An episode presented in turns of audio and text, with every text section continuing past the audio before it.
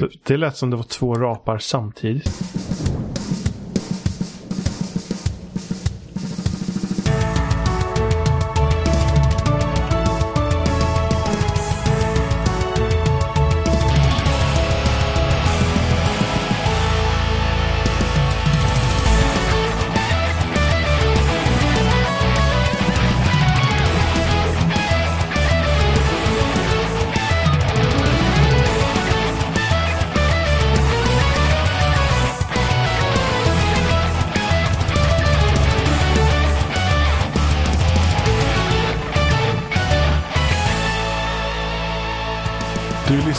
340 med spelsnack. Idag är vi jag, Johan, vi är Amanda Ja. och Jimmy-pojken. Hallå! Jimmy-pojken är Jimmy-mannen. Mm. Äh, du Nej, är du är. Ikea-mannen. Det. ja, jag blir lite Ikea-mannen nu. Det finns många Nej. Ikea-män här ute i Sverige. Vi har, vi har en riktigt snärtig jingel att sjunga. Lika känd som Iprenmannen. Jag tror faktiskt att Jimmy är typ den meste Ikea-mannen ändå. Det, det beror på, Ikea är typ, eller Jimmy är besatt av att bygga Ikea-möbler. Ja, så det är helt galet. Jag, jag Varje gång jag kommer hem med någonting nytt så säger han Åh, vad kul, då ska jag bygga det. Men det är roligt. Jag har en kollega på jobbet som åker till Ikea typ nästan varje helg. Så han heter också Ikea-mannen. Jaha. Varför åker den här personen till Ikea varje helg? Jag vet inte, inte varje helg, men, men det var typ det ett tag. Han, han, Så var det mycket. Han köper saker roligt. och så åker han dit med sina föräldrar och så köper saker och så... Ja, det... Är det inte Och- roligt att vara på Ikea? Åker dit och luktar på mediabänken. Liksom. Det var så mycket roligt på Ikea. Det skulle vara kul om man är själv på Ikea. Men det är allt annat folk som är irriterande. Men sen det är roligt att bygga sakerna. Det är inte kul att åka dit och handla. Så sist när jag handlade grejer på Ikea då, då köpte jag ju allting eh, online. Och så åkte jag bara och hämtade det. Asnice. Nu är, nu är det bekräftat. Jimmy hatar människor. Jag, är Jag gjorde med. inte så. Först, första gången jag träffade Emma så hamnade vi i lokaltidningen. Det, det stod typ att jag hatar ju folk. och så frågade de om så här, julruschen. Jag bara, tycker inte att det är så farligt. Jag, hat, jag, jag, jag, inte jag hatar folk, men att jag tycker inte om folk i, i vanliga fall. Typ så här, något så här roligt. Och så var det liksom huvudrubriken. Så man bara, åh, kul. Så jag där, hatar folk. I vanlig ordning. Till ditt varumärke hädanefter. Tydligen. Och bygga Ikea-möbler. Och bygga Ikea-möbler. Jag hatar folk och bygga Ikea-möbler. Och Ikea-möbelbyggandet eh, föder en del av det andra hatet liksom. Ja, precis. Det bygger upp. Men någon jä- för då är det en jävla dum människa som har satt ihop den här jävla beskrivningen som inte... Fast i och för sig, Ikea-beskrivningen är faktiskt ganska bra. Liksom, de, är, de är väldigt enkla att förstå. Och så typ bygger man något annat som inte är Ikea, då, då blir man arg. För då är allt så dumt. Mm, typ bara, ser, ser du den här beskrivningen där vi typ ska förklara 20 steg i en bild och gör allt så smått som måste vara förstoringsglas för att ens se? Varsågod. Inte kul. Som sagt, Ikea-mannen. Ja, jo, precis. Men eh, när det här avsnittet släpps då är sommaren officiellt över. Vad baserar det på? Att augusti är slut. Okej. Men jag vet att många säger att sommaren slutar någon gång i september. Jag tror typ i USA räknar de konstigt. De har typ, ja men sommaren börjar i mitten av juni och man bara första juni är sommar, bitch. Eller något, jag vet, jag Men, vet, så här. det, men det kan finnas fina dagar i september också, men Jo, absolut. Men eh, september är väl officiellt en höstmånad, i alla fall här va? ja. Ja, Fast det känns ju ändå som att året har förskjutits lite. Ja, Eller fast hur? det, ja, fast det struntar vi i. Den meteorologiska vår, sommaren och höst och allt vad det nu kallar det, det, det, det kan vara lite så här, lite flytande. Men inte, inte de här bestämmelserna. September, oktober, november, det är höst. Första december, då är det vinter. Låt oss strunta i verkligheten. Nu pratar vi om det vi lärde oss på lågstadiet. Jajamän, jag tycker alltså sån information, sån ovärderlig information man får när man är liten, den håller kvar en hela livet. ja men det, det, det är Jimmys nivå fortfarande. Ja, men enligt jag den anser här... att sep- September, oktober, november, det är höst. Sen är det vinter i december. Hela den här fyra bitars kartan så. Eh, så är det ju september, oktober, november som är höst. Precis. Annars kan vi börja fira midsommar i september då, vi vet ju inte. Det är bara sommaren lite sen i år så vi får skjuta hela midsommaren. så går det inte till. Nej, men det var ett lite ologiskt exempel också. Jo, men Det har varit en, en lång sommar. sak samma. Ja, var, ja, jo, både och. Men vi tänkte ju, vi pratade om innan i alla fall, tänkte vi det här med, för att E3 ställdes in i år på grund av orsaker. Och, eh, och då var det både IGN och sen Jeff Keely som haft det här Summer of Gaming. Eller IGN hade sin egen grej som var typ hela juni och sen har Jeff Keely haft sin grej. Vilket har gjort att alla liksom spelföretag och sånt har ju, istället för att vi har en vecka på oss där vi får typ alla nyheter så har det varit liksom fyra månader istället. Det började i maj då. Någon gång när eh, Microsoft hade sin första Snusfest. Första, visning, första gameplay-visning av Xbox Series X, det vill säga bara CGI-trailers och ingen gameplay. Eh, och det skulle avslutas då med Gamescom som var förra veckan, eller i torsdags. Och då är det bara så här att vad... Vad tycker ni om den sommaren liksom? Vad, vad tycker ni om upplägget överlag? Så jag tycker att det finns en viss charm i att liksom ha det så komprimerat som det är på E3. Det känns som Ja. att det är liksom lite av en högtid då. Jag, jag, jag tror att själva spelbolagen och alla PR-personer kan nog tänka lite att ja, men det är ju bra om vi får ta en annan tid av sommaren där vi inte behöver tävla med andra på samma sätt. Alltså att vi kan få den fulla uppmärksamheten. Samtidigt så känns det som att när allting är på en gång som E3 så kan de olika spelbolagen på något sätt eh, näras av den andra bolagens hype. Så att alla får liksom, det blir en hype för hela eventet så att alla liksom får ta del av den hypen. Och när de fördelar över sommaren som de gjort i år så känns det som att man bara man lyckas inte komma upp i den här hypen riktigt och det blir inte lika stort någon gång överhuvudtaget för att det liksom är utspritt över hela sommaren. Vi- Nej, men det känns som att när det är E3 så blir det så noggrant genomgånget på något vis. Kan man säga så? Ja. Och- Det blir en väldigt noggrann genomgång av allting som visas kan man väl Ja. säga. Ska man tänka lite så här kapitalistiskt också med konkurrens och sådana saker. Att det känns inte som att de vässar till lika hårt när de inte har det väldigt liksom tajta schemat och, och att de måste verkligen dra all uppmärksamhet de kan när de väl har sin liksom E3-presentation. Eh, Och sen, sen så vet vi inte heller vad som har fallit mellan stolarna på grund av att de inte har kunnat arbeta effektivt heller. nej, nej men där, det, det hela andra aspekten är ju corona och att saker som skulle varit klara till presentationer vid E3 eller vad nu som blir istället för E3 inte alls är klart. och då blir det liksom förmodligen. blaha istället. Förmodligen är det jättemycket som, alltså typ, man tittar bara på liksom Nintendo, även om Nintendo inte brukar närvara på E3 i samma utsträckning som förr med konferens, men har haft den direkt och sen jag vet inte, var det förra året de var helt borta från E3 tror jag? Men de brukar ju ha monter eller någonting sånt där Ja, också. de, de har ju Eh, haft Treehouse-grejer. Precis, men Nintendo har inte haft en...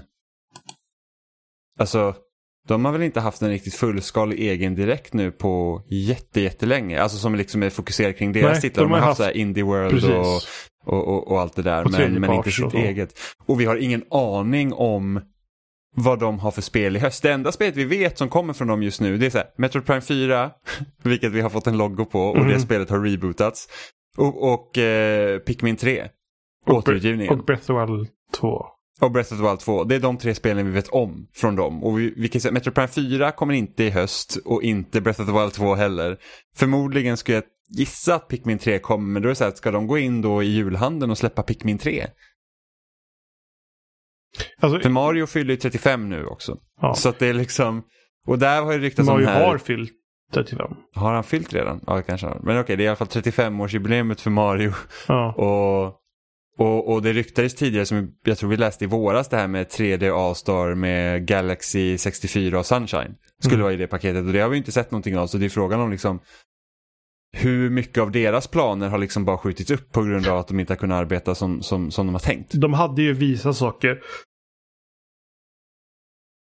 Ett vanligt år. Ja, hade, hade, det, eh, hade det inte gått som det gått i vår med i hela läget så hade ju förmodligen de visat någonting nu. Så, Ja, så de är ju förmodligen väldigt påverkade av corona. Och sen tror jag liksom att även om alla studios och sånt och utgivare de liksom säger liksom att corona inte är den största anledningen, liksom att det, det ska gå i tid, så tror jag att det har påverkat betydligt mer än vad de vill ge sken av. Ja, absolut. Eh, det var ju flera spel som typ Deathloop från, eh, från Arcane blev ju uppskjutet till exempel. Som skulle ha släppts eh, på launch till PS5. Eh, och vad var det mer? Ja men som, som Halo Infinite till exempel, där har de ju, där har de ju anställt nu eh, Joseph eh, Staten som har arbetat eh, på Halo eh, hos Bungie. Som ska liksom överse då kampanjen eftersom det spelet verkar, alltså så här är det, då när det blev uppskjutet till 2021 då sa jag nog att det här är nog inte en kort uppskjutning. Jag tror att det här liksom i så fall kommer ur först julhandeln 2021 och det pekar ju mer åt det hållet också. Mm. Eh, det kom ju rykten också i veckan om att det kanske till och med är 2022 för att saker och ting är inte alls bra. Nej, Så- det, Så att det spelet liksom, det, det, är, nog, det är nog en ganska lång bit. Ja, det spelet fick ju ett väldigt rejält bakslag när det visades upp. Ja, men just det man hör liksom grejerna efteråt också, liksom att ah, men vi tänkte dela upp det i episoder. Och man säger bara nej.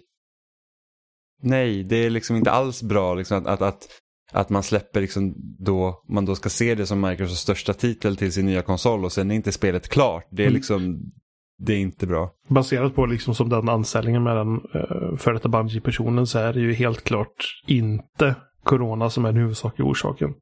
Nej, absolut Det- inte. Alltså det, det kan vara en bidragande orsak till att spelet inte var mer klart Ja, när det nej. skulle ha Ja, släppts. precis. men det är liksom, Det finns mer problem i bakgrunden helt klart. det är mer problem där. Eh, så att, eh, vilket gör att Microsoft inte har egentligen något jättestort spel när nya konsolen släpps nu. Vad vi vet. Eftersom vi inte vet. För att det verkar som att alla, det skulle ju vara i augusti skulle ju pris och allting och sånt komma på de här konsolerna som det var sagt i början av sommaren och nu är augusti slut och det har fortfarande inte, vi har inget pris på PS5 eller releasedatum, vi har inget pris eller eh, releasedatum för Xbox Series X heller. Förutom bara för november. jag känner att Sony är mer självsäker i nuvarande läget. Tror jag. Det, Fast varför är de så försiktiga? Varför Ja. går de inte ut med pris? men jo, men det är, är det är det för typ- att PS5 är så pass dyr egentligen? Att de inte riktigt vet vad de ska sätta för pris? Jo, Så att det inte blir för högt mot den. Men det är, det är just det jag menar. Att, att jag, jag, jag har fått intrycket att, att, att ursprungligen så har de varit mer självsäkra och de, de har de har i alla fall några fler spel på gång känns det som. Eh, relativt release Ja, alltså, window ju- liksom i alla fall. Precis, Spider-Man och Ratchet Clank ska vara release window och sen så har de varit ganska aggressiva med att eh, knyta åt sig tredjepartsutgivare. Mm. Så, Och få så, exklusiviteter därigenom. så det som blir så konstigt är som du säger att nu är plötsligt så då är det knäpptyst. Och jag förstår varför Microsoft är knäpptysta på grund av många orsaker. Alltså med, som med Halo och, och att det är relativt klent i release window. Och de har ju allt, och de har allt att vinna på också det om de kan sätta sin konsol eh, en bit under. Liksom, för att om de har nu den här Series S som typ läckte då med den här när man fick se en bild på nya kontrollen Ja, och, liksom paketet. Då stod ju Series S bakom. Och det är liksom så här att om de matchar Series X-priset med PS5 vad det kostar och sen så sätter de Series S betydligt större underkant. Mm. Det är väl, då kanske de väntar på det så att det inte råkar bli så att Series S är för dyr jämfört med PS5 till Mm. exempel. Ja, de, de priserna som folk har spånat har ju varit eh, väldigt intressanta. Just, det är bullshit överhuvudtaget. Men, eh, men det folk har, har trott är ju att Xbox Series X kommer kosta som den eh, digitala versionen av PS5. Ja, Vilket blir det- väldigt intressant eftersom digitala versionen av PS5 är PS5 utan läsare bara. Precis. Och det, det ryktas också om att Series S inte heller har någon skivläsare. Ja. Men Men som den sagt, är även svagare. Precis, så, Så- den ska inte kunna köra 4K till exempel. Är tanken. Ja, just det. Men annars liksom raytracing och sånt ska den kunna klara. Det är ändå ganska vettigt att bara att du skalar ner på upplösningen men den ska klara relativt i övrigt. Eftersom Jo, men det är det är- nog fler än man tror som sitter med, med 1080-tv fortfarande. Ja, absolut. Det tror jag säkert. Alltså 4K är ju, det är först nu egentligen 4K-tv-apparaterna börjar liksom bli En, rimliga i pris Ja, liksom för, och- för vem som helst. det finns väl, alltså ska du ha en tv nu som inte är liksom budget-tv så blir det väl en 4K nu. Så är det bara. Jag, jag tror inte så att det alltså görs det ens tv som, alltså från någon typ LG och Samsung, alltså kommer det ens 1080p tv enbart? Det är inte alla 4K nu för det. Tror inte det. Jag är för dåligt insatt för att svara på det. Nej, men jag, jag tror det är mycket. Sen så finns det säkert så här billigare så här Mm. Andersson-tv och, och små tv-apparater som är 28 Ja. Men det, det är nog mycket 4K nu i princip. Ja. Nästa grej är då att de ska klara 120 Hz och ha HDMI 2.1. Mm, och det är väl också inom räckhåll nu tror jag. Ja, de, de tv får, de, då får de nog punga ut närmare 20 000 om Ja. du ska ha liksom större tv. Ja, inte tror jag. Alltså om du inte går upp i så stor storlek. Jag vet när jag köpte min om jag hade köpt om jag hade skippat eh, 65 och gått ner till typ eh, 50-ish tum så, Mm. så kunde man nog få en OLED-tv med 120 120 hertz och grejer och sådär. Ehm, så det, det börjar faktiskt krypa ner i alla fall så att det går att köpa lite mindre storlekar. Ja, ja jag, min tv som jag har den är nu fyra år gammal. Tror jag den är. Ja, det är den. 2016 köpte jag den. Eh, och den planerar jag ha liksom minst fyra fem år till liksom, utan problem. Jo, man vill ju köpa så sällan som Ja, möjligt.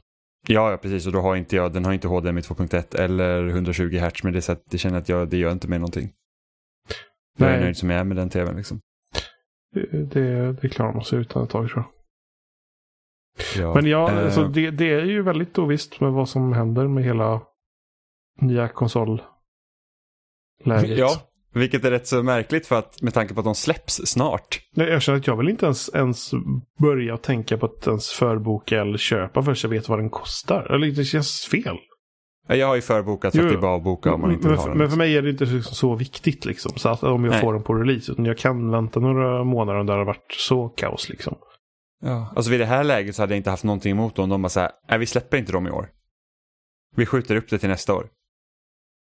Det hade inte gjort mig någonting. För det hade varit så här bara att, nej men alltså det, de här det, konsolerna vi har, det det är exakt samma sak som priset. Det blir chicken race. Det är Ja. möjligt att båda tänker den tanken, men ingen vill vara första med att säga det. Frågan är vilket ramaskri det skulle bli om det skjuts upp. Alltså det är från en så liten del människor egentligen det skulle bli ramaskri. Ja, det är, Det är de också som, de som hörs mest. det är de som Men jag pratar tror om teraflops. Ja, men jag tror så här att, alltså om man bara tänker rent tävlingsmässigt liksom, även om det, det är lite löjligt, men så att om inte Sony skjuter upp sin maskin, då kan inte Microsoft göra det. Skjuter Sony upp sin maskin så spelar det liksom egentligen ingen roll vad Microsoft gör. För jag tror inte att Microsoft har gjort ett tillräckligt starkt argument för att folk ska hoppa över. För, alltså, och säg att du har liksom haft PS4 den här generationen och du går in nu i nästa generation och du säger att nej men jag är solklart på att jag ska ha PS5. Då tror inte jag liksom att du säger att ja, Xboxen kommer tidigare, då köper jag den istället för att jag orkar inte vänta eller vad som helst. Utan det är liksom för att va, vad är det då du köper konsolen för känner jag lite. Alltså för, förra generationen då när det blev Xbox One och PS4, där, där var det just, de gick ju in med så helt olika filosofier att det kändes liksom helt självklart att köpa en PS4 för att man inte ville stödja det Xbox One stod för från början. Mm. Och sen så släpptes den bara var i 13 länder eller något så, här, så de, de förstörde ju liksom hela, alltså deras lansering var ju liksom, Ja. den var kass, rent ut sagt.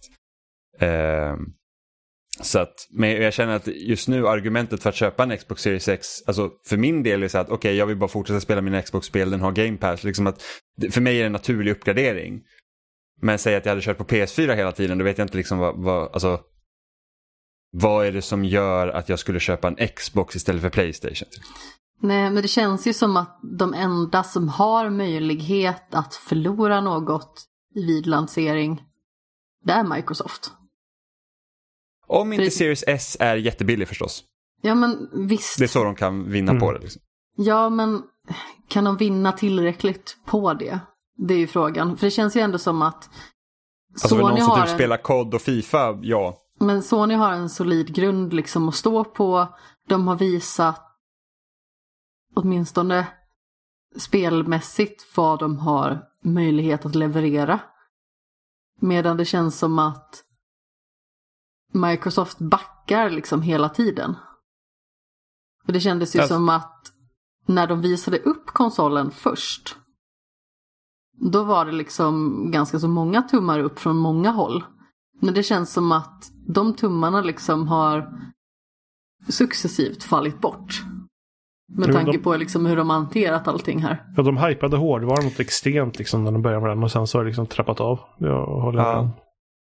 Och sen, eh, det de egentligen säljer, alltså det är Game Pass. De, alltså, det är egentligen kanske det då som är det starkaste argumentet för konsolen. Ja. Ja, och jag som inte har liksom lika stark anknytning till Microsoft känner ju liksom att jag kan ju lika gärna spela på min lite äldre konsol för jag tycker inte att den känns daterad. Jag tycker inte Playstation 4 känns daterad heller. Men det finns så mycket på Playstation 5 för mig att se fram emot. Alltså det kanske inte är nödvändigt för mig att ha den dag ett. Även att det förmodligen kommer att bli så. Men det känns ju som att en Xbox-konsol känns mycket mer irrelevant att skaffa dag ett för mig. Precis som jag tidigare har nämnt ganska så många gånger, men ändå. Det Mm. känns ju liksom som att ja, Sony har vunnit. Och speciellt för folk också som sitter med, alltså det är många där ute som sitter med Xbox One X också. Ja. Som inte har liksom lite mer kräm i sig. Då, då ser du ju mindre orsak till att uppgradera. Så det... Ja, men Nej, får men- man liksom inga nyheter som verkligen är värda att köpa en ny konsol för? Alltså jag kan inte spela nya Ratchet Clank på en Playstation 4.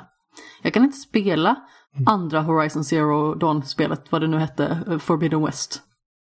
Jag kan liksom inte spela eh, det nya Spiderman-spelet. Det är ju sånt som jag vill skaffa en ny konsol för. Mm. Det är ju en, en, en viss problematik i hela den här, uh, vi slutar med konsolgenerationer utan vi kan låta det glida över till varandra liksom. Du, du kan ju inte bygga upp samma hype riktigt som, som Sony till viss del kan lyckas med, med bättre här. Alltså de skulle ju kunna göra det om de inte var så här att Åh, allt vi släpper de två första åren ska kunna spelas på båda. Mm. För att det är så här att allt följer med men ni behöver den nya konsolen ändå. Till Liksom för att slut. spela de här nya spelen. Eh, och det är väl det också som också har ryktats som ett problem med Halo Infinite, det är att de får inte funka på Xbox One.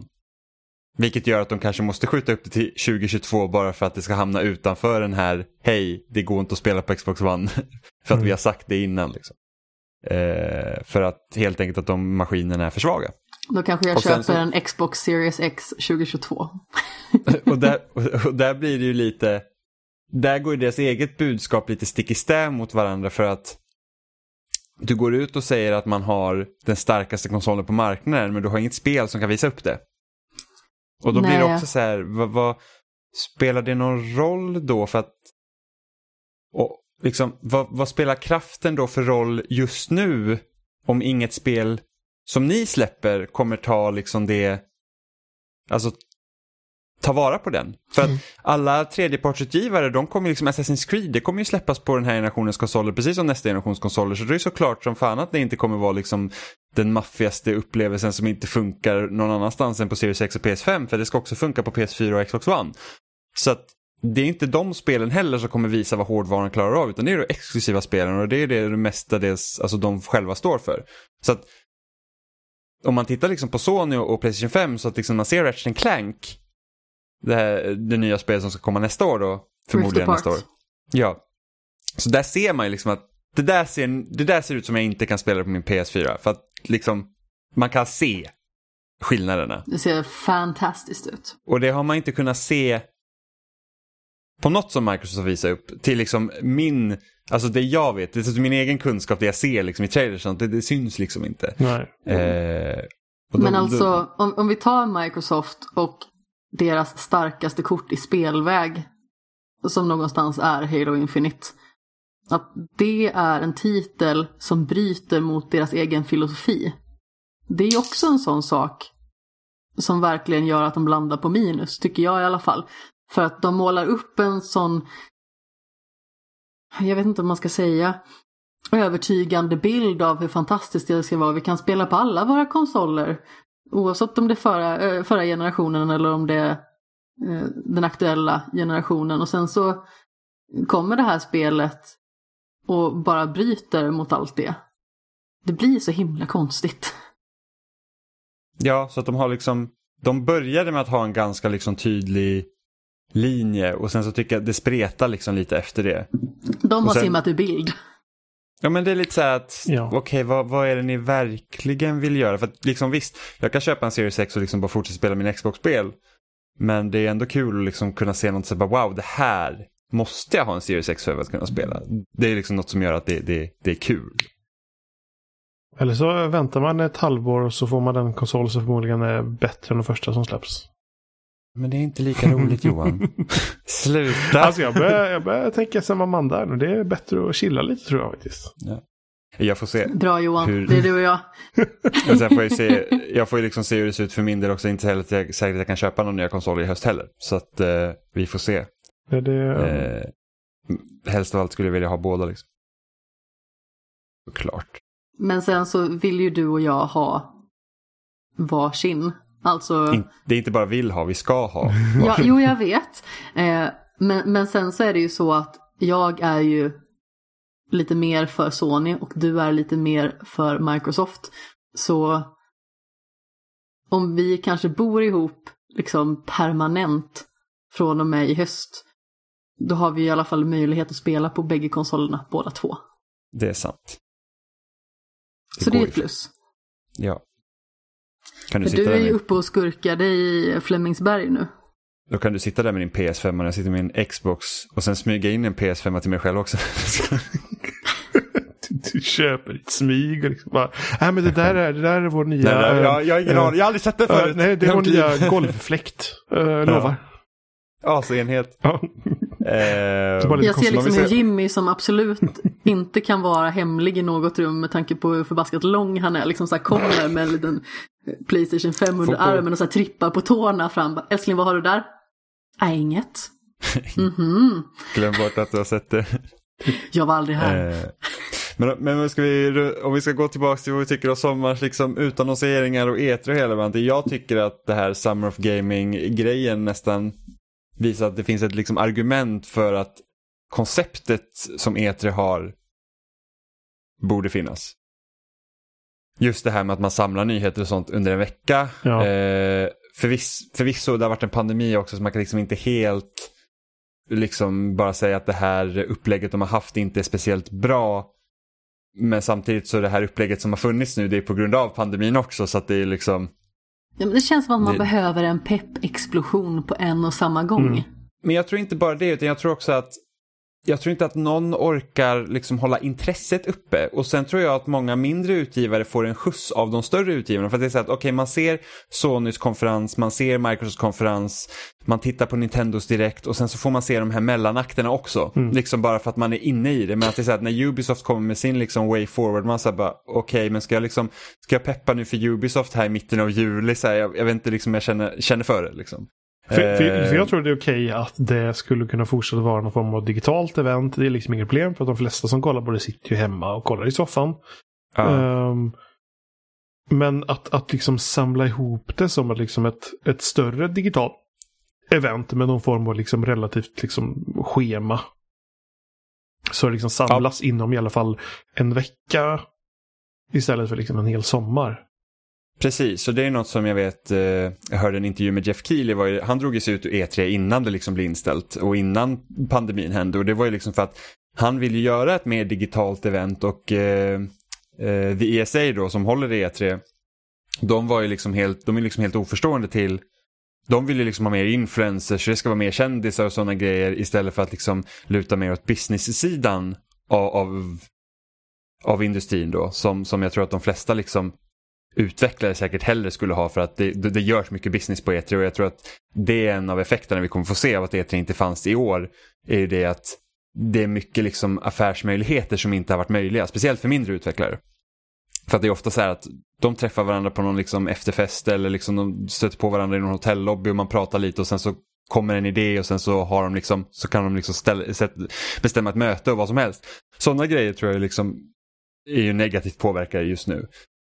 Eh, men sen det här också att som du säger att man borde ha det mer digitalt och liksom kanske för att Microsoft försökte det eh, med i år det här med att de hade så här ID Xbox-grejen med att det kom ut typ var ett demos på 30 spel som man kunde spela under en månad på Xbox One. Eh, och det är väl liksom det är ett bra initiativ, sen var det kanske inte det bästa genomfört. Jag testade några demos så det bara så man kände så att spelen inte klara. Så att jag var så att nej, jag eh, tittar nog hellre på, på de här spelen istället för att pröva liksom, eh, testa skateboard. Det var så här att det här känns absolut inte bra liksom. Eh, och det är också en risk då om du ska sätta spe, eh, liksom ett demo i någon spelares hand, ett spel som inte är klart och de inte förstår liksom, okej okay, under typ de sista månaderna så kanske det här kan kännas helt fantastiskt jämfört med hur det känns nu. Och liksom så blir de avtaggade på det. Och, och, och, typ en annan grej jag också saknar från att E3 är borta det är här att det var mycket mera djupgående intervjuer med utvecklare när de faktiskt träffas på golvet och kör sådana intervjuer. Det har gjort en del sånt nu också men det är inte samma sak. Eh, känner jag. Liksom när, när de sitter liksom via Zoom eller vad de nu gör sina intervjuer på nu för tiden. Så det är liksom, det, det blir inte riktigt det här med att man... Det blir väldigt regisserat. Ja, sen man peppar liksom inte upp, det är liksom, man är inte på golvet och det är liksom, det är så att åh, de har visat den här, just specifikt den här sekvensen och pratar man om den och liksom lite vad förhoppningarna är med allting. Så att det, det, det är lite tråkigt. Så jag tror att E3 Paradoxalt nog så känner jag nog att det är de mindre spelen som tar mer stryk av att E3 är borta snarare än de större. Liksom folk kommer titta på senaste trailern av Assassin's Creed. Folk kommer titta på nya Doom, folk kommer titta på Halo, folk kommer titta på Spiderman. Men sen så har du de här det, var, varje liksom utgivare har haft de här mindre spelen som också har fått tag i lite plats på scenen som liksom kunde ha gjort liksom succé för att det liksom, ser, oj, där ser något annorlunda ut, gud vad spännande. Och sen så liksom blir det som en, nästan som en indie-hit innan det har släppts för att folk är nyfikna på det. Och det känner jag väl också kanske lite borta. Men största anledningen till att jag verkligen, jag har inget intresse av att hålla koll i fyra månader på när saker och ting ska släppas och när de ska ha sina konferenser och de byter plats på det och det är liksom man säger alltså, jag vet inte ens vilken, eftersom vi inte kör efter USA-tid här så är det så här att då ska man plussa på när går det mitt i natten, du vet. Det blir, och speciellt liksom, jobbar man då så är det inte så att jag kan inte sitta uppe så här två på natten och kolla på en konferens och sen så nästa morgon så kanske jag redan har glömt bort det. Liksom. Jämfört med man har under en vecka om man är ledig. Till exempel. Så jag ja. hoppas att E3 kommer tillbaka och stannar. Ja, eller något liknande. Så att man kan liksom få en så stor eh, eh, nyhetsbonanza. För det är kul. Det är kul. Men nu ska vi hoppa vidare till något helt annat. Nu ska Oliver sitta och mysa i sin lilla hörna igen. Ja. Så Olivers hörna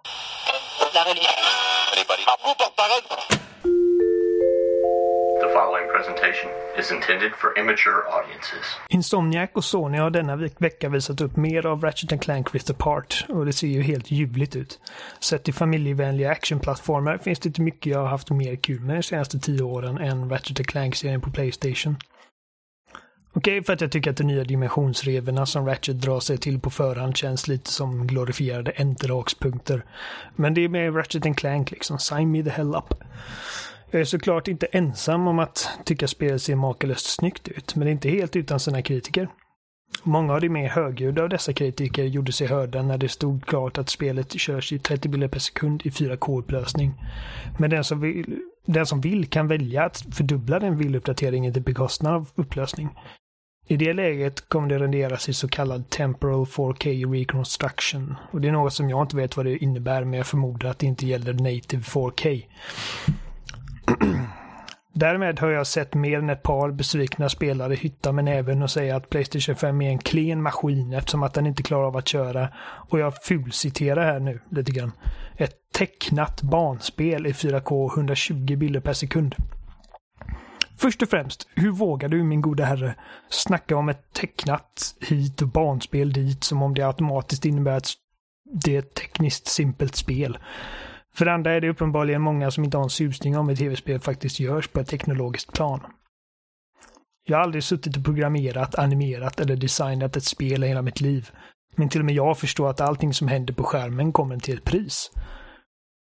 och det är hur lätt som helst att se att Ratchet Clank Rift Apart är ett hyggligt krävande spel. Titta på alla rörliga element som befinner sig på skärmen vid varje givet tillfälle. Hur livligt och kaotiskt det är.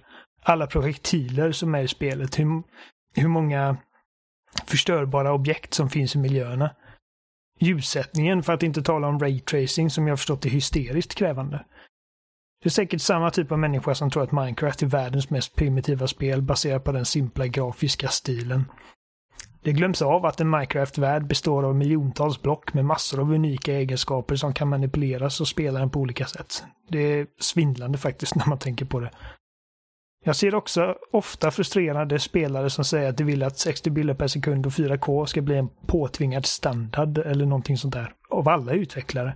Utan att fundera på vad det faktiskt skulle kosta dem i realiteten. Med en sån regel hade vi inte fått se perverst snygga spel som The Last of Us 2 eller Ghost of Tsushima eller Horizon Zero Dawn överhuvudtaget. Och det är poängen. Oavsett hur kraftfull hårdvaran är så kommer det alltid finnas utvecklare som väljer att fokusera krämen i den hårdvaran på olika saker. Jag är i och för sig en console peasant som det kallas. Men jag tycker att av alla de tre spelen som jag just nämnde fungerar, de fungerar alldeles utmärkt i 30, 30 bilder per sekund.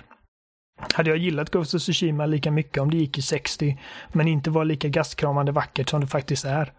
Mest troligt inte. Och det är här jag vet att några kanske tänker att Åh, jag är en grafikhora och att grafik minsann inte spelar någon helst roll för spelupplevelsen. Och det är där jag svarar med, eh, håll käft. Det är klart grafik spelar roll. Alla kan väl åtminstone vara överens om att inlevelse är en viktig aspekt av vad som gör just det här mediet så gripande. Och nog fan spelar grafik en viktig roll i att transportera dig till en magisk virtuell värld som du vill tillbringa ett tusental timmar i. Givetvis är inte grafik det enda som är viktigt. I så fall hade The Order 1886 varit årets spel när det kom. Grafik är inte ens det som är mest viktigt, för Super Mario Galaxy 100 är så bättre än idag än det som är mer tekniskt avancerade NAC exempelvis. Men kom inte här och säg att grafik är betydelselöst, det är det bara inte. Det tror jag ingen verkligen tycker när de tänker efter lite extra. Hade Uncharted 4 bestått av streckgubbar som klättrade i berg och slogs mot elakingar hade det definitivt fått sig ett törn om man säger så. Precis som det fantastiska Bloodborne och uh, Witcher 3 som också lever mycket på hur väl realiserade deras respektiva spelvärldar är. I slutändan handlar allting om att prioritera baserat på vilken typ av spel det är man snickrar ihop. Och vissa typer av spel drar utan tvivel mer nytta av högre bilduppdatering än andra. Devil May Cry, någonting som är mig oerhört kärt, behöver köras i 60 med tanke på hur många koordinerade knapptryck spelaren måste mata in för att bli framgångsrik inom det spelets verktygslåda av attacker och manövrar. Racingspel mår också extra bra av det med tanke på att man kör i sådana hisnande hastigheter. Och det säger sig självt, om vi hade kunnat dra upp bilduppdateringen till 120 på alla spel någonsin utan att behöva offra något för att nå dit, då hade det ju varit jättetrevligt. Men så ser inte verkligheten ut. Var nöjda istället över att du kommer få välja att prioritera antingen upplösning eller flyt i Ratchet Clank Rift Apart när det släpps. För det valet finns ju. Va? Varför har vi ens den här diskussionen? Jag måste, jag måste baja.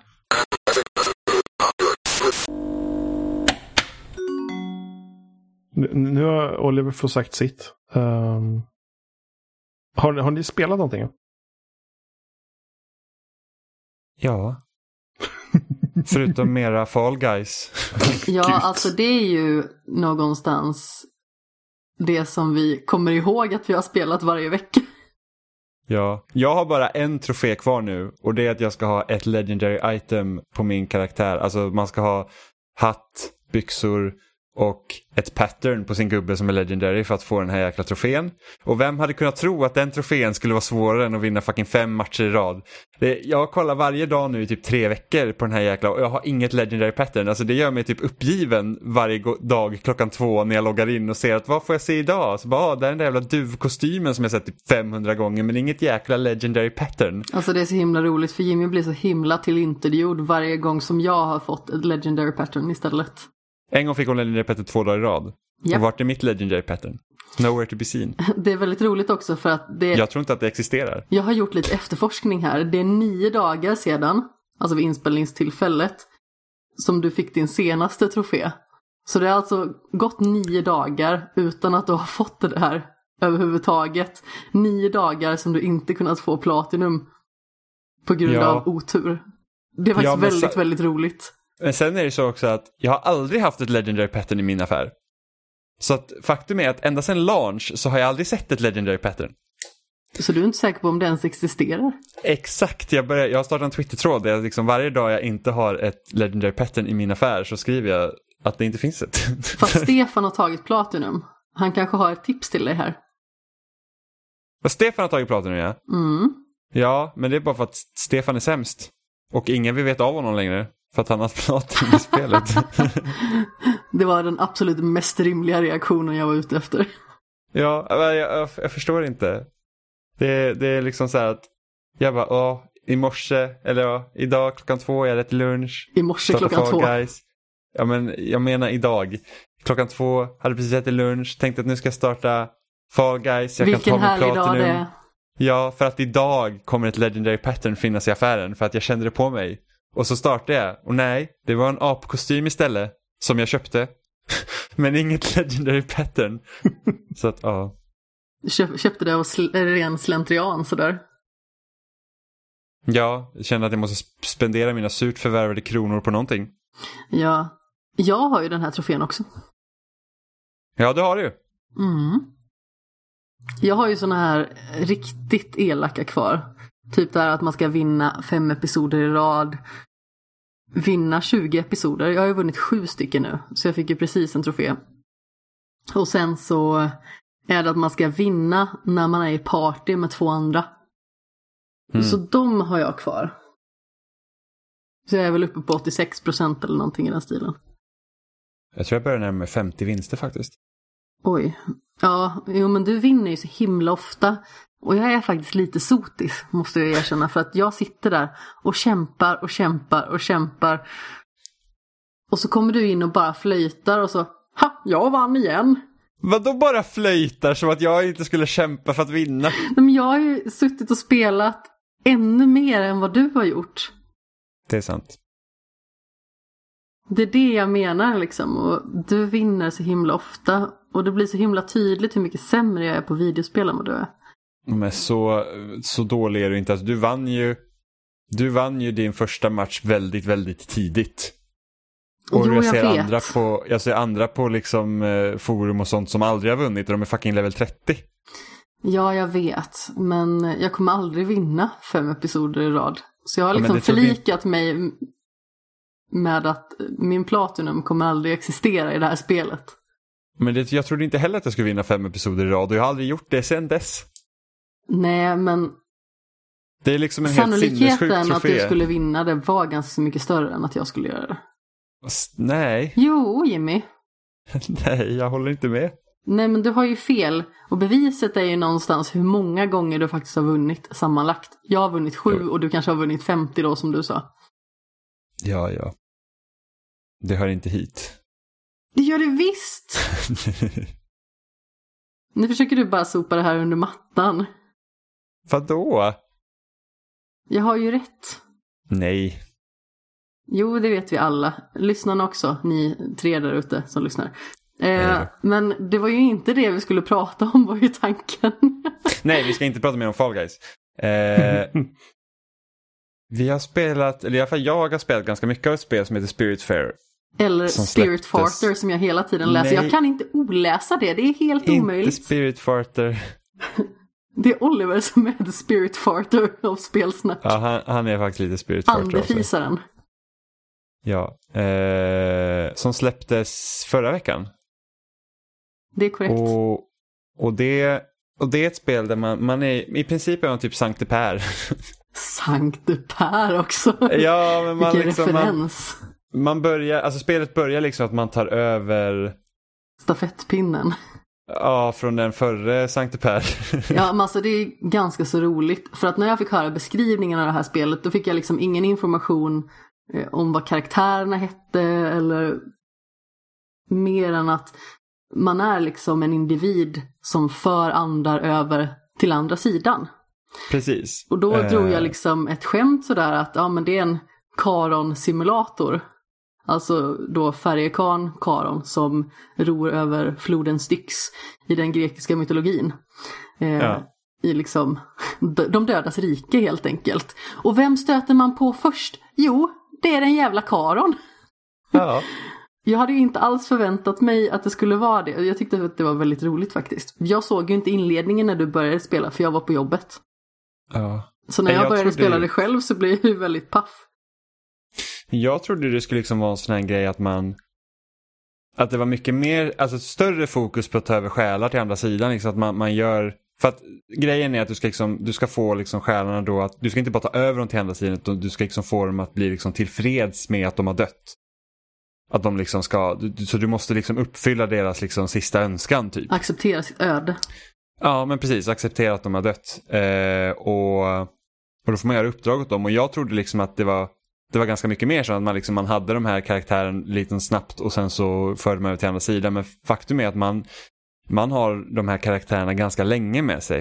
Eh, för att det är inte bara att man ska liksom föra över dem till andra sidan utan det är ju också typ som en men som en management simulator. Liksom att du, du, du, du, du, får ha, du har liksom en båt där du liksom bygger by olika byggnader på dig och du samlar resurser och material för att uppgradera och så liksom får du det är bättre så att du liksom måste smälta järn och sånt, uppgradera båten så att det får mer plats och sen ska du hålla dina liksom de här eh, karaktärerna du träffar på, de ska också vara nöjda på båten så de måste få mat och, och, och sådär. Och liksom sen, sen har de då vissa uppdrag du måste göra och då behöver du kanske fixa en ny byggnad för att du måste kunna typ smälta järn eller vad som helst.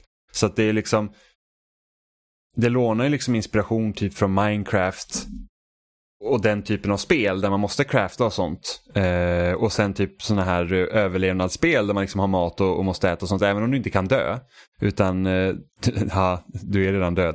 Eh, men liksom det är för att hålla dem nöjda så att säga.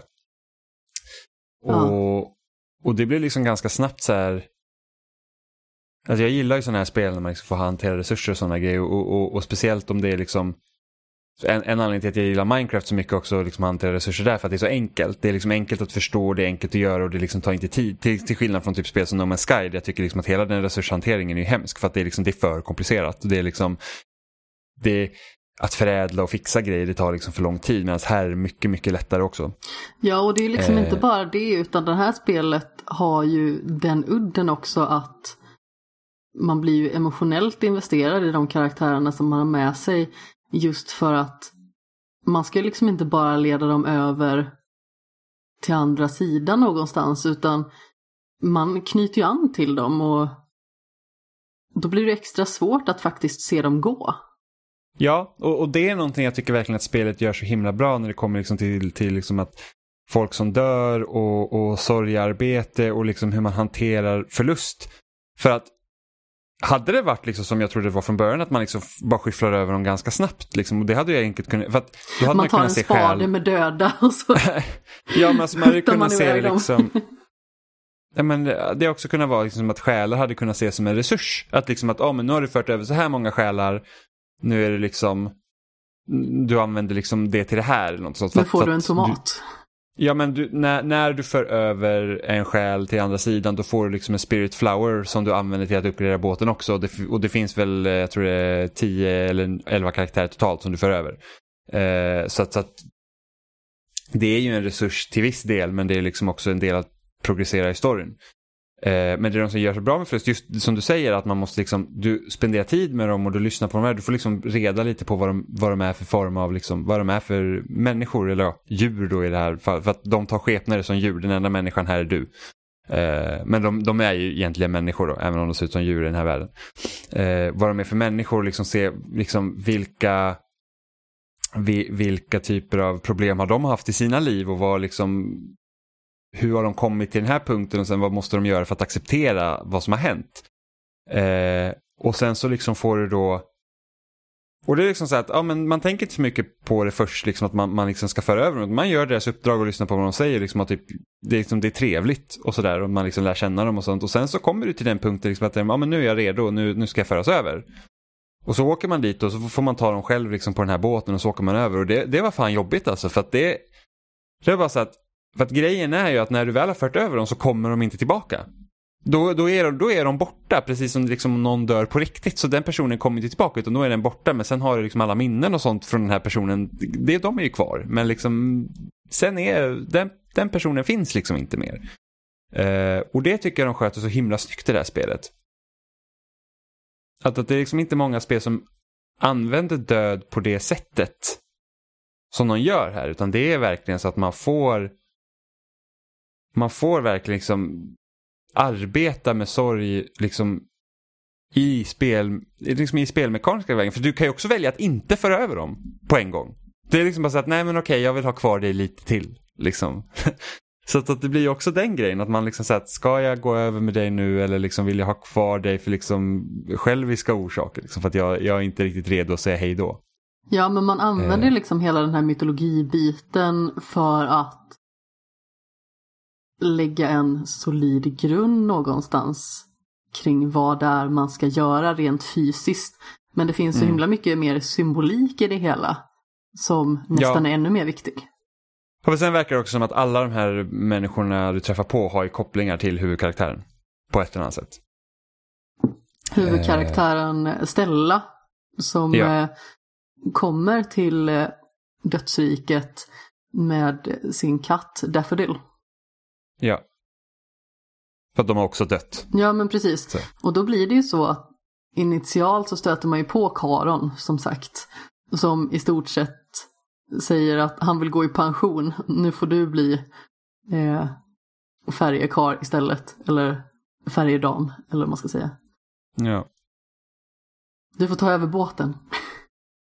Ja. Och då blir det liksom, du ska inte, alltså, då tycker jag liksom spelet symboliserar ganska bra. Det är inte bara att det är inte bara att få de andra karaktärerna att, eller acceptera att andra karaktärer kommer och går liksom i ens liv utan det är också att acceptera sitt eget öde och liksom på något sätt bli bekväm med tanken på att dö. Ja, Eh, och sen finns det ju en annan grej i det här spelet som är så, alltså det är typ det bästa någonsin. Det är det att man kan krama sina, alltså de, de som man har på båten. ja. Så att det finns liksom en kramfunktion, vilket är liksom bara, alltså det ser så himla inbjudande och härligt ut när man kramar dem, man blir liksom helt varm i kroppen. Och det gör ju också att spelet känns så mycket intimare än om, liksom, visst, alltså det finns ju flera spel som har liksom konversationssystem, man kan prata med dem, man kan komma nära spel, eller liksom karaktärer på det sättet. Men just det att man kan krama karaktärer är liksom bara en, jag vet inte, jag tycker bara det är en sån briljant grej det här spelet gör, för att då får man verkligen liksom man får bara en sån känsla för liksom, inte bara ens egen karaktär men också den andra karaktären som står på andra sidan som man då kramar. Det ser så fluffigt och varmt och mjukt ut. Ja, ja men det ser verkligen så inbjudande ut, liksom att det är så att allt kommer bli okej liksom. Det, det är lugnt. Mm. Det, det här är en del av livet. Det är så det är bara liksom och det, det, det, det är okej. Det kommer och det går. enkelt. Ja. Eh, så jag tycker det här, det här spelet är liksom, jag tycker det är kanonbra verkligen. Jag tycker det är absolut ett av årets bästa spel. Mm. Jag har ju tyvärr inte kommit så jättelångt. På grund av att Alltså jag spelade introsekvensen precis innan jag åkte upp eh, dagen innan och eh, lämnade dig i Flemingsberg. Ja. Och eh, nu, nu lät det lite omvänt där men kvällen innan vi åkte upp så började jag spela spelet. Och spelade i stort sett introsekvensen, tryckte på spara och avsluta för man kan inte bara spara, vilket jag tycker är lite orimligt 2020. Men eh, och så kom jag tillbaka in och så har ingenting sparats. Och det var ju lite olyckligt. Så då fick jag börja spela om från början igår när jag kom hem från Stockholm då. Ja. Så jag fick se hela den här eh, sekvensen igen. Och det går inte att hoppa över heller. Så det var väldigt synd. För det känns som att jag inte har kommit så långt som jag vill. Och kan därmed inte dela med mig av lika mycket intryck som jag hade velat. Men jag känner ju liksom att jag har inget spel sådär jättemycket på min önskelista det närmaste sådär. Alltså jag vet ju att Marvel's Avengers kommer ju ganska så snart. Det är om typ fem dagar från inspelningstillfället tror jag. Men jag känner liksom att ja men det kan väl vara kul att spela. Sådär. Plus att jag har ett recensionsspel som eh, embargot går ut på om fyra dagar. Så jag kommer inte nämna någonting om det. Men det är liksom det här spelet som jag känner att ja, men det här kommer jag att fokusera på nu framöver. Så jag hoppas jag kunna dela med mig lite mer i framtiden i alla fall. Men jag måste ju Mm. bara säga att introt och liksom själva floden och dess omgivning, alltså det är något av det vackraste jag sett. Mm. Det är alltså Ja, det är helt fenomenalt. Och då är det liksom inte på ett sätt som att det finns så extremt mycket djup och ljus och den typen utan det är liksom ganska så rätt fram estetik. Och det är så det är liksom- himla vackert och färgerna Ja, men- gör sig så himla bra i den miljön. Ja, men jag känner det är så här Shadow of Light, Cuphead. Det är liksom, det är tecknat va? och 2D. Så att, men liksom Child of Light tror jag är det närmaste jag känner liksom att det är mest likt. Även om Child of Light var mer vattenfärg än vad det här är. Ja, men precis. Det här Men det är ju kanske lite mer liksom tuschpenna. Ja, men suttit och skissat i ett block liksom och färglagt med pennor. Liksom. Ja, men det är fantastiskt i alla fall. Jag bara kände liksom hur bara... Jag fick ju se lite av slutsekvensen och typ sprang in på dass och gömde mig. För jag bara sa, jag vill inte se vad som händer. När du satt och spelade och skulle spela slutet. Eh, men man får ju se det här med jämna mellanrum då vad jag har förstått. Och jag kände liksom att hakan måste man ju typ så här veva upp varje gång. I mångt och mycket. Ja. Men du hade spelat ett annat spel? Det har jag. Apropå eh, indiespel. Vi nämnde ju Child of Light som är lite mer åt det hållet. Ja, Det är inte indiespel, det är Ubisoft som har gjort det. Men eh, eh, det är lite mer åt det hållet. Mm. Jag har spelat ett spel som heter Lin Path of Orchards. Som... Eh, ja, vad ska man börja med det egentligen? Ja, Jag har skrivit en recension av det i alla fall som finns på loading om man vill läsa lite mer djupgående. Men jag spelar i alla fall det här på min switch och initialt så får jag ganska så mycket vibbar av typ Monument Valley och Gris. För man eh, spelar någon form av eh, naturväktare som heter Aban.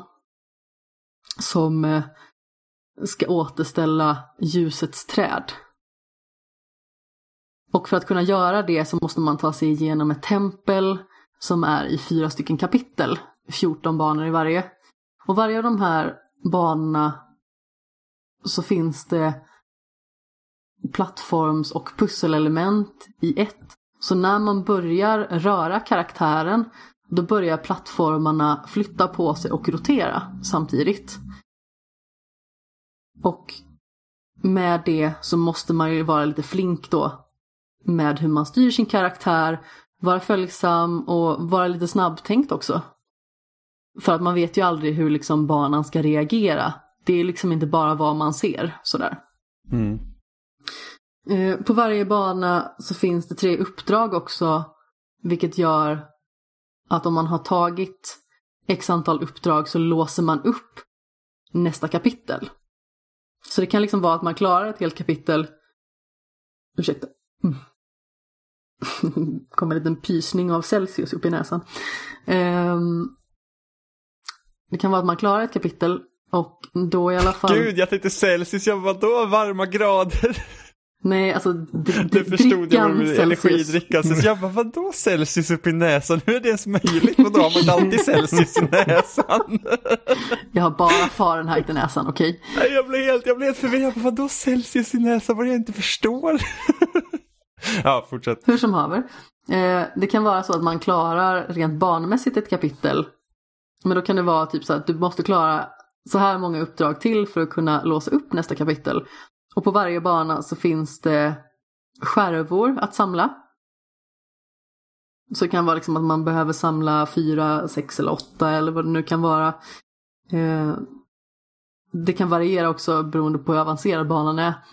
Sen så finns det något som heter Elder Shard som liksom är en större skärva som är svårare att få tag i än de andra. Och sen så finns det liksom en del i det hela när man ska göra ett visst antal, jag vet inte riktigt vad man ska säga, men manövrar kanske. För att eh, kunna klara uppgiften. Det kan vara liksom att, ja men, klara den här banan på två manövrar. Som kanske då är två hopp till exempel. Eller sådär. Men det kan vara lite klurigt ibland faktiskt, måste jag ju säga. Men jag känner att det här är liksom inget spel som jag har lust att spela klart till 100%. Jag vill liksom inte samla allting, utan det är mer liksom så här upplevelsen att se alla banor, att känna på dem, att Nej, men, precis som i Monument Valley eller Gris eller Journey eller vad det nu kan vara så är det att insupa känslan väldigt mycket. Så det blir liksom aldrig så pass svårt att jag blir förbannad.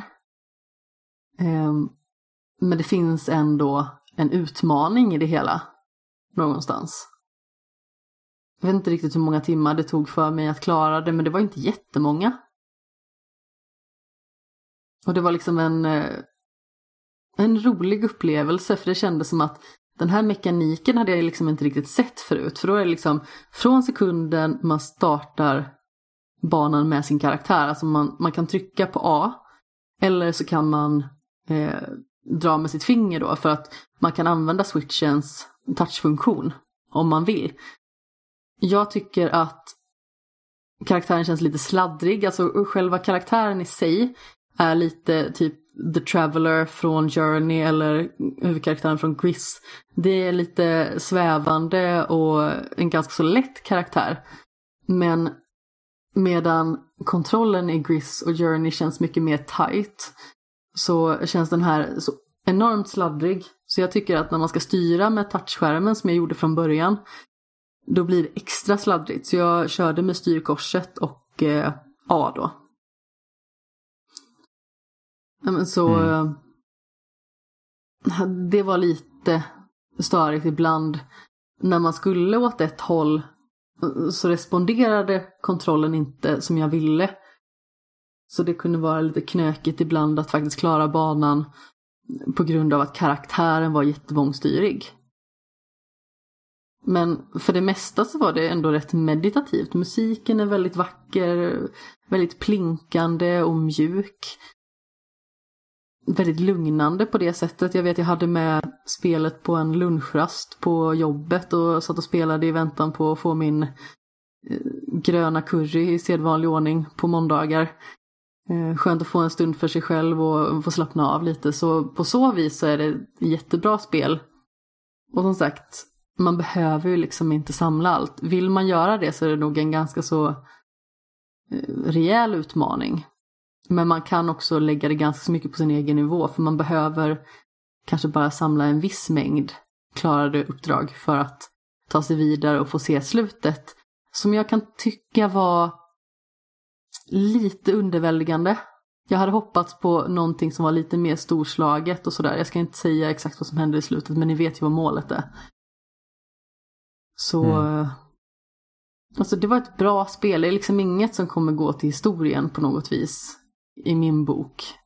Och precis som jag i min text också jämför med till exempel Monument Valley och Gris. Och även har jag ju med Journey någonstans inpetad i texten liksom att det här är spel som ligger på min topp 50 över förra decenniets bästa spel. Det kommer nog inte hamna så pass högt. Men det är liksom en trevlig upplevelse. Och jag kan rekommendera folk att spela det, absolut. Det finns på eh, mobila enheter också. Det var ganska så roligt att, eh, att jag faktiskt tänkte det när jag satt och spelade att det här borde ju passa på typ iPhone. Eh, och vi på loading fick möjlighet att antingen spela det på Xbox One eller Switch. Så jag hade liksom inte sett att det fanns där också. Eh, men då fanns det ju både på, på iOS och Android. Mm. Kostar typ 35 det... kronor eller någonting sånt. Så det, det skulle jag absolut säga är jättevärt det. Mm. Det känns ju som att det är liksom gjort för att man ska svepa med fingret på skärmen. Ja. På en smarttelefon.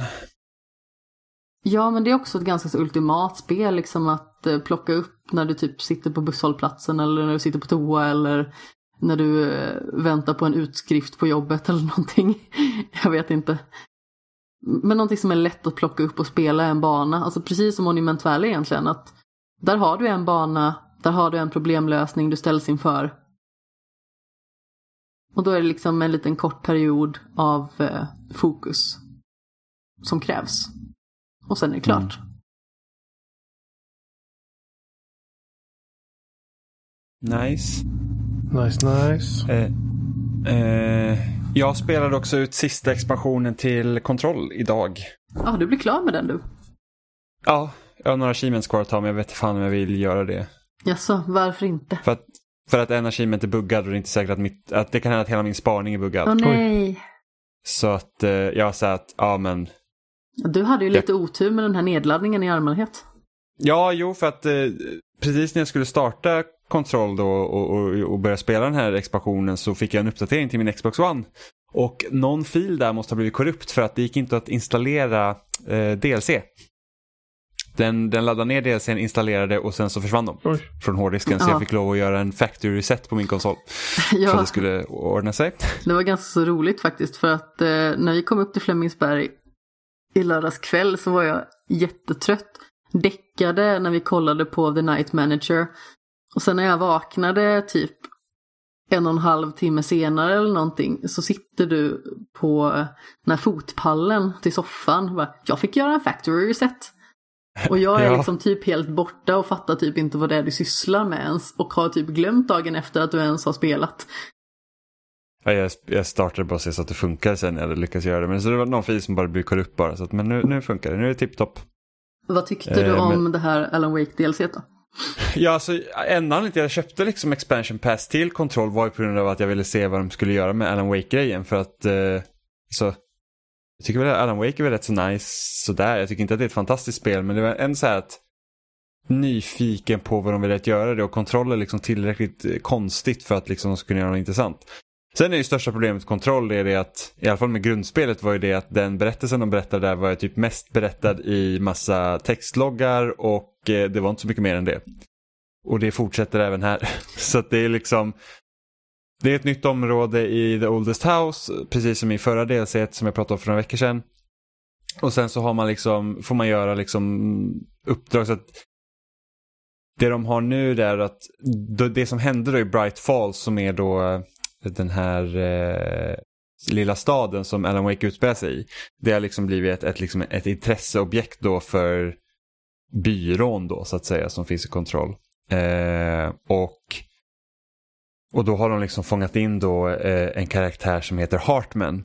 Som var psykolog på ett, eh, på en så här typ Ja men de hade någon så här lite så här, eh, vad heter det, rehabiliteringshem liksom. Eh, uppe i, i bergen där. Eh, som, som blev också då fångad av mörkret i första Alan Wake. Som han var ju liksom en boss där. Och då har den här då Hartman varit liksom en, en, en, en, ett objekt för observation då för byrån.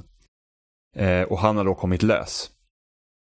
I, eh, i, eh, i The Oldest House då. Så att eh, man, man, man jagar efter honom under hela DLC. Och sen så får man liksom se lite vad som då har hänt.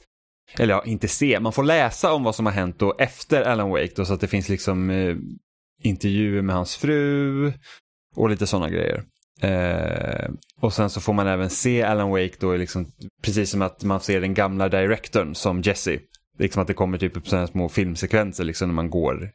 Så får man se Alan Wake istället och han liksom berättar om lite om The Darkness och liksom vad han håller på med och sådana där grejer. Och, och de knyter an kontroll till Alan Wake på ett väldigt Alltså ganska finurligt sätt med tanke på hur Alan Wake slutar. Eh, och, och hur liksom hela liksom twisten i Alan Wake den spänner även in i det här spelet. Vilket jag tyckte var väldigt spännande. Så på det planet så visst jätteintressant. Sen så tycker inte jag att kontroll, alltså som jag sa, problemet med kontroll är att hur de presenterar berättelsen är inte liksom som jag känner tillfredsställande. Jag tycker inte om att läsa textloggar i spel. Nej, men alltså, Nej, inte när de är så många. jag kände jag vill ju... liksom ha- Oj, förlåt Jimmy. Nej, Alltså jag vill ha cutscenes, jag vill liksom ha mellansekvenser, jag vill liksom kunna följa på det sättet. Jag vill liksom ha en, jag vill ha en story som jag inte kanske behöver bena i själv när det kommer till den här typen av spel. Även om liksom kan, liksom textloggar och sånt ska liksom ge mer till universumet runt omkring men inte bara det. Och då är det så att då har jag då ett spel med som har rätt mediokra strider och läsa textloggar och gå in runt i de miljöerna så ah, det är inte tillräckligt liksom för mig. Eh, och det här lilla av Alan Wake som man fick då se i, i det här, liksom, visst det var kul men jag skulle inte säga att det är så här att Oh my god, du är ett superfan av Alan Wake, självklart ska du spela det här DLC. Det är liksom bara så att, att det spelar inte så stor roll.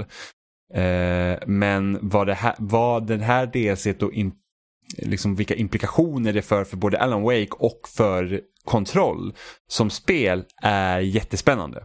Eh, och det, det går direkt ihop med, först, eh, med Alan Wake. Och den twisten som är där. Jag kände ju att Control fångade mig jättefort. Alltså typ med den här eh, slunga saker eh, åt fanders mekaniken och med liksom mystiken och stämningen och hur det såg ut och hur det lät och sådär. Fångade mig väldigt fort. Men det tappade mig typ lika fort. Jag tycker att det är väldigt synd för det känns som att de hade någonting unikt och spännande på gång. Men jag vet inte om jag skulle kunna hålla intresset uppe. Om jag skulle försöka att spela klart det. Nej, alltså det blir liksom att det är ju inte, alltså det är för att det är så, det har så lite fokus på sin berättelse, liksom hur, hur traditionella liksom single player är, alltså typ ta ett Last of Us liksom. Man liksom ser cutscenes, man får mellansekvenser, man får liksom följa en ganska, liksom, ganska bra röd tråd där och det liksom existerar inte riktigt kontroll utan man, man springer med sig runt i det här huset och sen så händer massa grejer som man kanske inte riktigt förstår och sen ska man läsa massa textloggar. Det, det, det, tycker inte jag om. Ja men ska det vara en berättelse det handlar mycket om att man nystar i det själv. Då krävs det kanske att det är lite mer kort och koncist. Alltså ja. att man hittar små en... saker som hintar väldigt tydligt. Och som ja, man kan det... skapa kopplingar till. Alltså ta Gone Home till exempel är ju ett perfekt exempel på det. Och jag tror det hade funkat om Control hade varit mer traditionellt Metroidvania. Som det är strukturerat. För det är ju strukturerat som ett Metroidvania men det saknar det här med att du faktiskt hittar uppgraderingar som i typ Metroid eller Castlevania eller Hollow Knight eller liknande. Utan det är de här modsen som är liksom slumpgenererade och du kan crafta egna mods och grejer så du, du, behöver inte utforska då heller. Jag tror att hade man kört med sådana grejer, liksom att ah, men här hittar du ett nytt uppgradering till ett vapen och det här är faktiskt det här objektet i världen. Liksom att det är så att okej okay, den här skumma grejen som, vi hit, som den här byrån hittade det kan nu hjälpa dig att komma liksom och försöka liksom ta an hiss. Liksom, som är, eh, eh, liksom är, är fienderna i, i spelet. Då hade det varit en helt annan grej men just nu allt du hittar blir så opersonligt. Det blir bara så att okej okay, det här är bara en mod som jag kan kanske crafta själv. Det här är liksom bara så att, liksom att, att upplägget som de har är inte liksom går inte riktigt hand i hand. Det smälter inte bra samman tycker jag när man har liksom det här med typ som man kan, saker som man kan hitta typ i roguelikes och sen har du det liksom ett, ett Metroidvania-upplägg. För att det, är så att det blir inte tillräckligt intressant att utforska banan. För att det liksom spelar, du kan inte ens vara säker på att du hittar någonting du behöver. Mm. Uh, och jag tror att hade man gjort så att man hade liksom haft ett, ett, ett, ett bestämt antal uppgraderingar så att ja, men här, har liksom, här får du mer hälsa, här får du typ mer ammo eller vad som helst, här kan du hitta typ, men liksom att det här vapnet hittar du här och då kan du komma vidare på de här ställena här borta. Liksom att, att, för då, då hade man blivit ett med det här The Oldest House och då hade The Oldest House känts mer, jag tror det hade känts mer, eh, eh, vad ska man säga, alltså så enhetligt. Istället för att som det är nu så bara man springer lite hit och dit och sen så, ja, det spelar ingen roll, men jag öppnar en låda och här kommer några random mods. Alltså jag, jag struntar till och med när man hittar en låda, man öppnar den så bara, ja dina mods full, så bara okej, okay, fine, jag, alltså det får vara fullt. För att det är liksom, det är inte tillräckligt intressant för mig att hålla på och nysta i det. Men det känns eh. som att det är ett spel som har väldigt många bra komponenter men de har satt ihop det fel. Men lite så. Och sen så är det jättesynd på Remedy som har gjort väldigt eh, liksom starka narrativ i sina spel och sen så släpper det lite i det här spelet. För att det är det jag ser fram emot när jag spelar det här spelet. Alltså jag vet att det är inte många som har spelat Quantum Break till exempel. Eh, jag har det i hyllan. Quantum Break, och jag tycker Quantum Break är ett bättre spel än Control. Eh, och där var det liksom ett, ett traditionellt narrativ. Liksom. Du, du körde från start till slut. Liksom, du, du kunde liksom, det, det var liksom tydligare än vad det är i kontroll. Eh, och det, det är ju det jag mer eftersöker. Eh, och ska man då göra ett spel som kontroll då tycker jag att då krävs det att världen i sig är liksom mer att ja, men om då upplägget så är, ska vara ett Metroidvania, att man liksom tar Metroidvania styrkor och inte bara så att du kan utforska men det spelar liksom ingen roll riktigt vad du hittar och det är liksom slumpmässigt. Eh, för annars gillar jag liksom när de, för att kontroll är märkligt och det är konstigt och det, det gillar jag.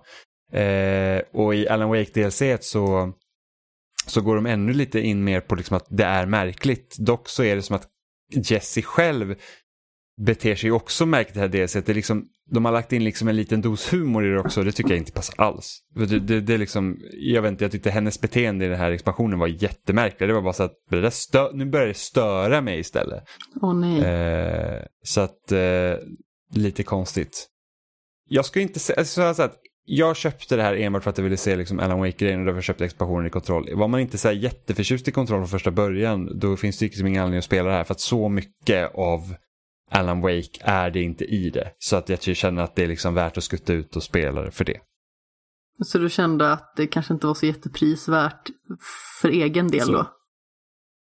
Alltså så här, hade jag inte spelat expansionen till kontroll så hade jag liksom inte haft, alltså det hade gjort mig detsamma. Du känner dig inte som en rikare person nu? Nej, det precis. Jag känner inte så här bara wow, det här var liksom, det är inte som när man typ spelade expansionerna till Witcher 3 och man var så här wow liksom. Eller, eller typ GTA 4 expansionen utan det här var liksom så att, Eller typ ja, Leviathan till Mass Effect kanske? Ja, Mass Effect DLCn är generellt sett bra. Eh, men, Jag har Men hört det att här de ska vara som- fantastiska så nu... eh, jo men det är också kände jag att du, hard, det är också av hardcore. Mass Effect-fans. Jag, jag tycker att Mass Effect DLCn, storymässigt är de ofta helt okej, men jag tycker att gameplaymässigt är de ofta sådär. Eh, som många liksom DLC var. Alltså, expansionen till Alan Wake, det, eller kontroll, de känns ungefär som när det kom eh, singleplay-expansioner till, eller DLC till spel under 360 och PS3-eran. Du vet när det bara kom något så här, man bara nu ska det bli så kul att dyka ner här igen och så bara jaha, det var så här det var. OK liksom. Eh, utan det, det liksom, ja, det, det, det är vad det är helt enkelt. Men eh, jag tar gärna ett Alan Wake 2. Om de känner att de vill göra det. För att de har ju liksom smugit in Alan Wake i saker ända sedan det liksom släpptes. De, har liksom, de pratar ofta om Alan Wake och jag känner liksom att det här, den här expansionen också gör, lägger upp det för att ett, det kan komma ett Alan Wake 2 eller så blir det ett kontroll 2 beroende på vilken riktning de vill ta det. Eh, så att det liksom det hintas om det men det är liksom det är ju inte mycket av mer av en hint i den här expansionen än vad första spelet hintade i slutet av sig själv. Men liksom att ändå, det kan vara på G om de vill, om de kan få någon som vill finansiera en uppföljare. Så att det är väl kul, antar jag. Ja. Det var väl det Ja. egentligen. Ja, jag har inget mer att säga. Faktiskt. Nej, Jag tror inte heller jag har någonting eh, vettigt eller ovettigt att eh, tillägga. Det känns som att min funktion under din eh, utläggning om Alan Wake DLC var att jag avbröt dig. Ja, jag känner mig djupt sårad och kränkt. Ja, ja, jag förstår det. Gå iväg och gråt en skvätt. Ja, jag ska göra det. Ja, nej, vi finns som vanligt på spelstack.com. Där hittar ni länkar till de flesta ställen där vi dyker upp. Um, ni kan mejla oss. Kontakt spelsnack.com eller förnamn spelsnack.com. Vi dyker upp på loading.se varje vecka som en tråd där också. Twitter. Ett spelsnackpodd. Det finns verkligen lite överallt och ingenstans. Så det är bara att hojta om ni vill något så är vi glada sen. Ja, Ja, ingen hurra. eko den här veckan. Ja, precis. Inget eko, nej.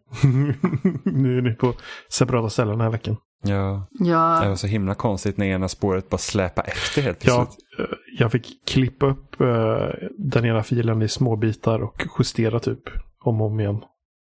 Så därför blir det så det här var liksom. faktiskt Ja, väldigt mysko. ja men, men jag tror jag vet vad det var. Uh, kan bli knepigt med ljudsaker ibland. Men eh, ja, vi hörs om en vecka. Det gör vi. Hej. Hej. God natt.